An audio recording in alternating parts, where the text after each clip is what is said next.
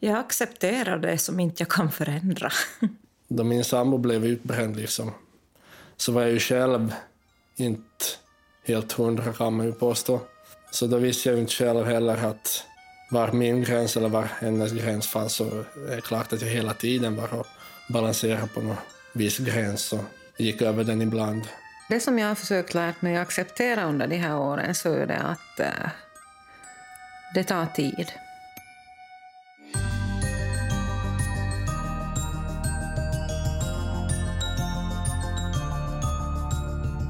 Välkommen till Psykprat med närstående.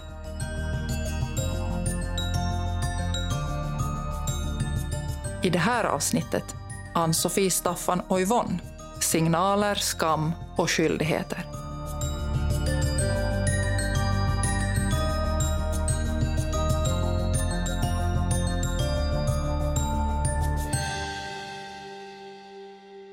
Diagnosen kan vara en lättnad eller börda. Den kan vara startskottet som leder en in på rätt spår. Den kan föra med sig känslor av otillräcklighet och skam. Att leva nära inpå den som är drabbad, det är tungt. Hur ska man stötta utan att skuldbelägga? Hur klokt är det riktigt att leta efter signaler på illamående? Och mitt i kaoset, hur ska man lyckas ta hand om sig själv? Faktum är att närstående till personer med mental ohälsa löper en 40% risk att själva insjukna i depression. I det här avsnittet samtalar jag med Ann-Sofie och Staffan, som båda två har erfarenhet av det här. Staffan, som i många år kämpat med ångest, social fobi och depression och vars partner Åsa till slut också insjukna i en utmattningsdepression. Och Ann-Sofie, som, förutom att hon är partner till Anton med ADD och tidigare alkoholproblem, också är mamma till en femårig son med Smith-Magenis syndrom. En sjukdom som beror på en kromosomavvikelse och som för den drabbade bland annat för med sig sömnsvårigheter, bristande impulskontroll och kognitiv nedsättning. Med både en diagnostiserad partner och ett barn orkade inte Ann-Sofie hålla bollarna i luften. Också hon gick in i väggen. I samtalet medverkar också Yvonne, som är mamma till Jenny, som i flera års tid lidit av depressioner, ätstörningar och självskadebeteende. Vi pratar bland annat om på vilket sätt skammen kommer till uttryck och när man som närstående är skyldig att säga ifrån. Säga att nu orkar inte jag själv längre. Men vi börjar i en annan ända. Jag undrar vad de och andra närstående kan göra om någon i familjen eller vänkretsen mår dåligt. Man försöker förstås stödja på det sätt man kan. Många gånger kanske det bara handlar om att finnas där, kanske lyssna om det behövs, krama. Det är ju det som är svårast, att man har den här maktlösheten, för man skulle som vilja göra allting bra igen och man kan inte. Att man måste ju försöka med de medel som man kan. Vad säger ni andra? Staffan? Mm, ja, no, jag har haft den luxen att jag har oftast varit den som har varit sjuk. Så att när min sambo blev utbränd så visste jag lite att vad man själv önskar när man är i den situationen och så. Och kanske att fråga att vad hon vill att jag ska göra för att lätta på vardagen för hon. Småsysslor i hemmet och sånt. Att jag tror jag hjälper ganska mycket. Just att bara finnas till. Ann-Sofie? Mm, jag håller med vad de här två andra har sagt nu, men det där att erbjuda sin hjälp har jag känt har varit, varit en viktig sak i, i min situation, nej, vår situation. Uh, att verkligen framhålla gång på gång att jag finns här för dig, att jag hjälper jättegärna till. Säg bara, säg vad som helst, när som helst, jag kommer och hjälper. Om det bara är möjligt för mig, så jag finns här för dig. För det är någonting som många kanske har svårt med att både be om hjälp och att ta emot hjälp. Så där har vi försökt trycka på ordentligt att det här skulle jag faktiskt behöva hjälp med. Och erkänna för sig själv och för den andra att jo, jag kanske inte fixar allting själv, jag kanske inte är så stark hela tiden.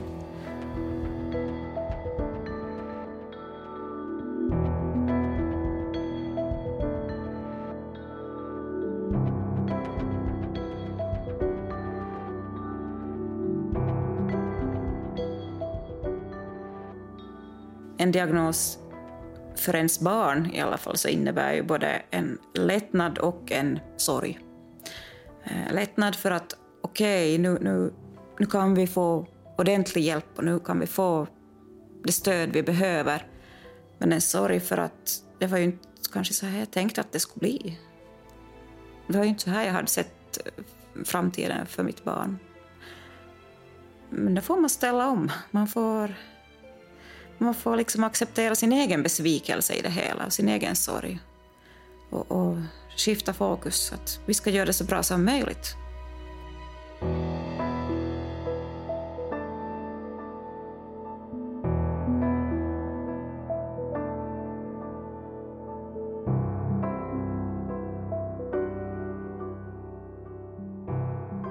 Med psykisk ohälsa så följer ibland en del skamkänslor.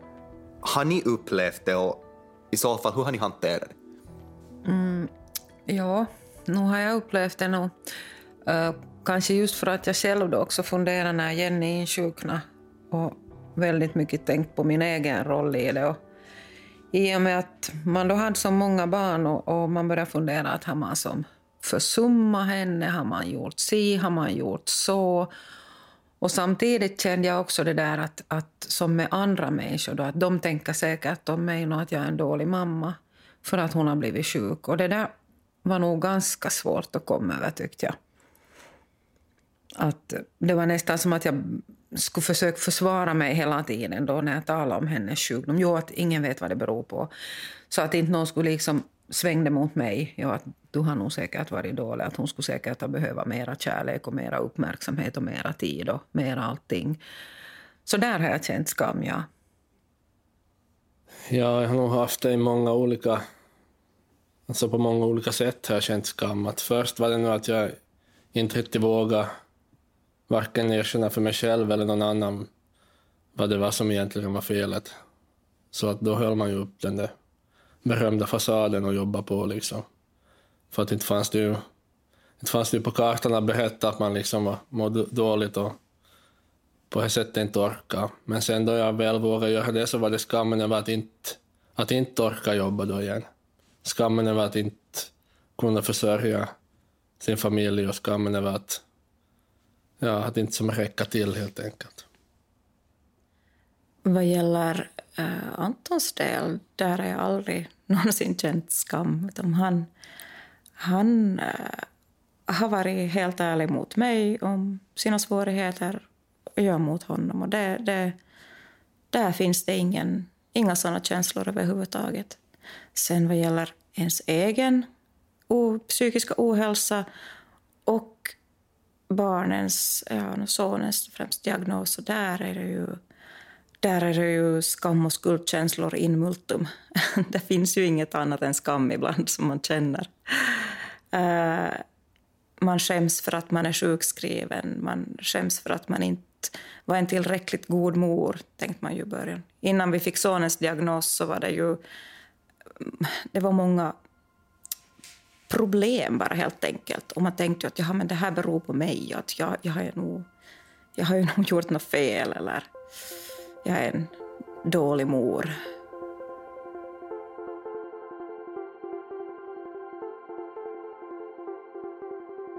Vi reagerar alla olika på skam.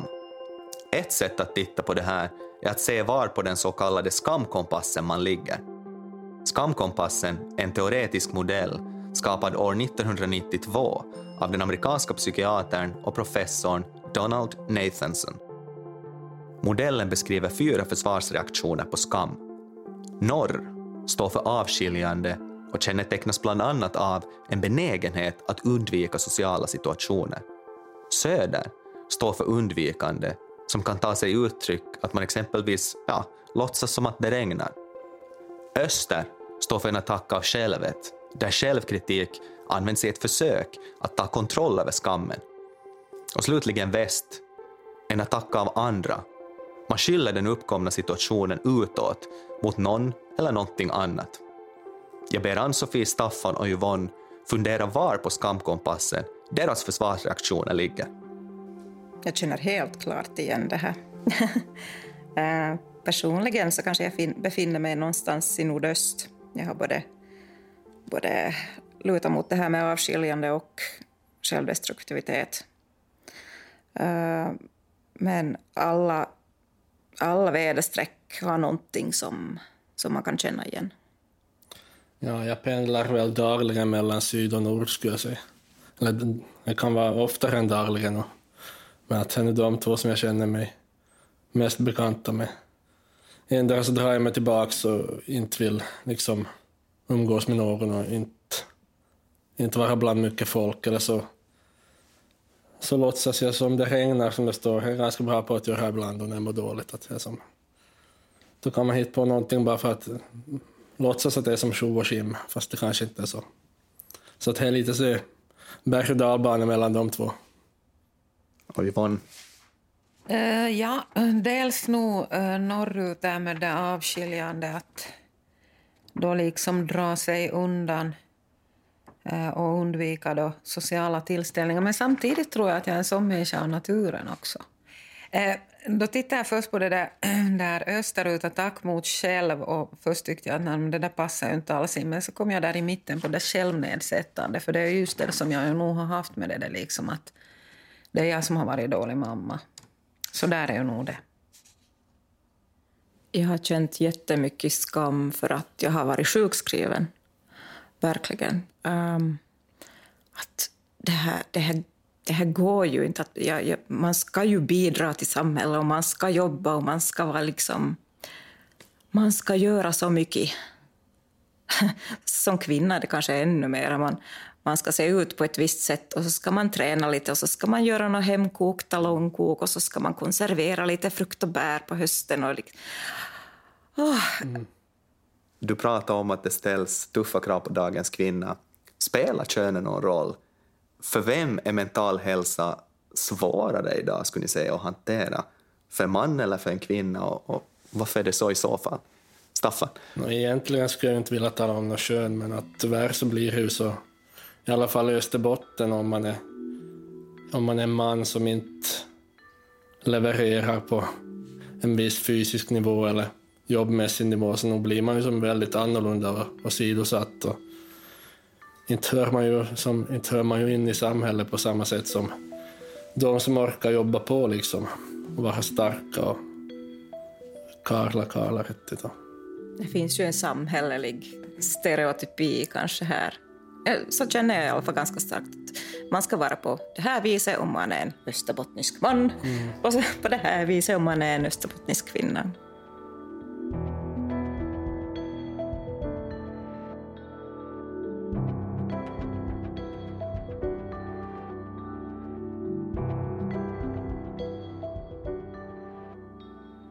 Gömmer ni era egna känslor för att skydda er närstående? Jo. Tyvärr inte. Jag kan inte. Så därför blir det problem ibland, för att jag känner utåt hela tiden.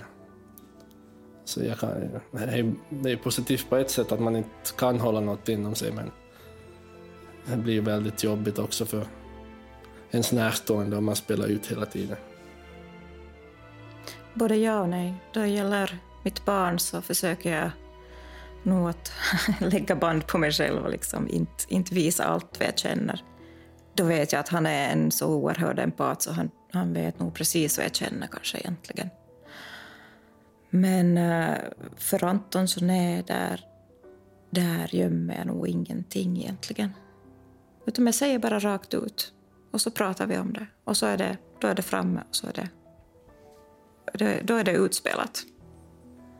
Jag brukar säga som redan från morgonen att idag är det ingen bra dag. Liksom, att idag ska du inte som försöka någonting med mig. Liksom, att, lite försiktig idag. Liksom, att, på så sätt så kanske man kan hålla sig borta från de onödigaste grälen och tjafs. Alltså det är ju det att eh, om jag då har en dålig dag, alltså jag, jag lider som själv på det viset inte av psykisk ohälsa, men jag har mina sämre och bättre dagar. Och har jag en dålig dag och känner mig väldigt ledsen och, och, och mycket bekymmer och liksom allting sånt, så då döljer jag nog det för Jenny, för att jag vill inte liksom, jag är rädd att belasta henne ytterligare, så hon ska börja må ännu sämre. Så då håller jag upp en glad fasad. det gör jag. Och jag tror att hon inte alltid genomskådar det. Men det, det, är liksom för det därför att jag är liksom rädd att hon ska då tycka att det är hennes fel att jag inte har en bra dag. Att, jag liksom, att det är hennes fel att hon har gjort mig ledsen. Men då kan man ju fundera att du, då vill du ju ändå att hon berättar för dig ärligt och öppet mm. om hur hon känner sig. Jag vet. Det är en paradox det där. Ja, ja det är det. Men det har, det har till göra med det att jag liksom räknar ändå, i och med att vi har haft lite sådär berg och dalbana då under flera år, och jag är liksom då, jag är som så väldigt rädd att, att eh, försämra hennes mående. Och, och liksom det skulle jag som ha jättesvårt att förlåta mig själv om jag skulle som ha berättat åt henne då att hur ledsen jag är, hur dåligt jag mår och hur dåligt jag sover och sånt. Och, och hon skulle börja må sämre av det igen. När är man skyldig att, att ingripa och säga att nu orkar inte jag längre? Jag orkar inte stötta. Som mamma tror jag inte man kan göra det. För nej, men att det, det, vet jag ju att jag själv har, har varit som tröttast och, och haft som mest så, så har jag helt enkelt backat lite. Jag har liksom inte engagerat mig lika mycket, men jag har nog som funnits där, men jag har som tagit ett steg tillbaka för att som samla lite nya krafter. Men jag kan ju inte som, kan som inte avsäga mig mammarollen. Inte. Jag både håller med och håller inte med där. För då det gäller min son så har jag nog känt att här måste jag få hjälp, här orkar jag inte nu. För jag har ändå, jag har ändå en dotter också som behöver mig. Och jag har varit nedsliten till den punkt att jag har inte velat vara med mer. Alltså jag, har, jag, har, jag har faktiskt varit så, så deprimerad och känt sån hopplöshet att det här, de, de, de skulle säkert ha bättre utan mig. För jag har känt att jag har inte haft någonting att ge. Och där har det nog varit helt eh, avgörande att vi fick hjälp faktiskt. Att vi fick eh, avlastningsvård via Kårkulla och på det viset som lämna bort mm. honom ett tag. Hur hemskt det än kan låta, men, men det har nog varit till stor räddning mm. för oss. För det är väldigt, det är en väldigt tung situation. Och har också haft andra instanser, rehabiliteringsteam vid socialen och, och alla möjliga som, som har varit och hjälpt. Och, och dagis har ju varit speciellt fantastiskt, för de har ju de har utan förhandskunskaper egentligen ställt upp på det bästa sätt de, de skulle kunna göra. De har verkligen varit en, en sån tillgång i vardagen. Så man är ju bara människa som mamma också. Där har man ju man har ju en skyldighet att se till att man orkar. Så är det ju, men, men man måste ju kunna ta hjälp av andra för att kunna orka också. Jag har ju haft på det viset den turen, om man nu kan säga så, att då Jenny har mått som sämst så har hon blivit intagen på avdelningsvård. Och då har jag ju vetat, eller jag har för det mesta trott att hon är i trygga händer. Då hon lyckades faktiskt nog med ett självmordsförsök också då hon var intagen. Men, men för det mesta så har jag som räknat att nu kan jag liksom koppla av att nu, nu är hon där och, och nu tar de hand om henne. Att det har ju varit som de där avlastningsperioderna för min del.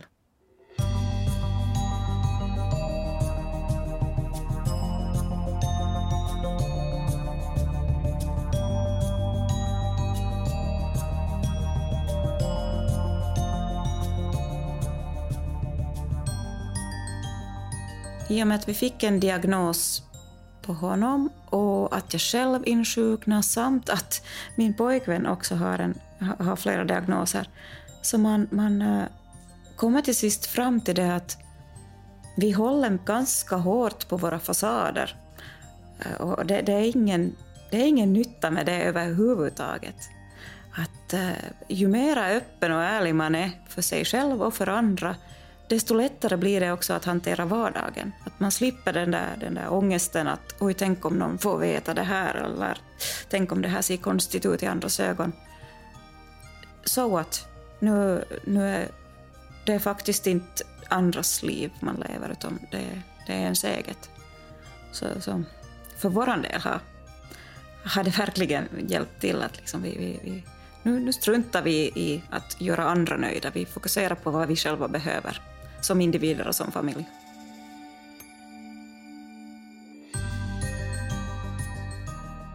Ni har hört Ann-Sofie Finne, Staffan Nylund och Yvonne Renqvist. Psykprat med närstående. En serie om mental ohälsa. Produktion SUS Productions för svenska YLE. Redaktörer Tommy Wallin och Susanne Skata. Ljudmix Thomas Birnik. Illes producent Annika Lövgren.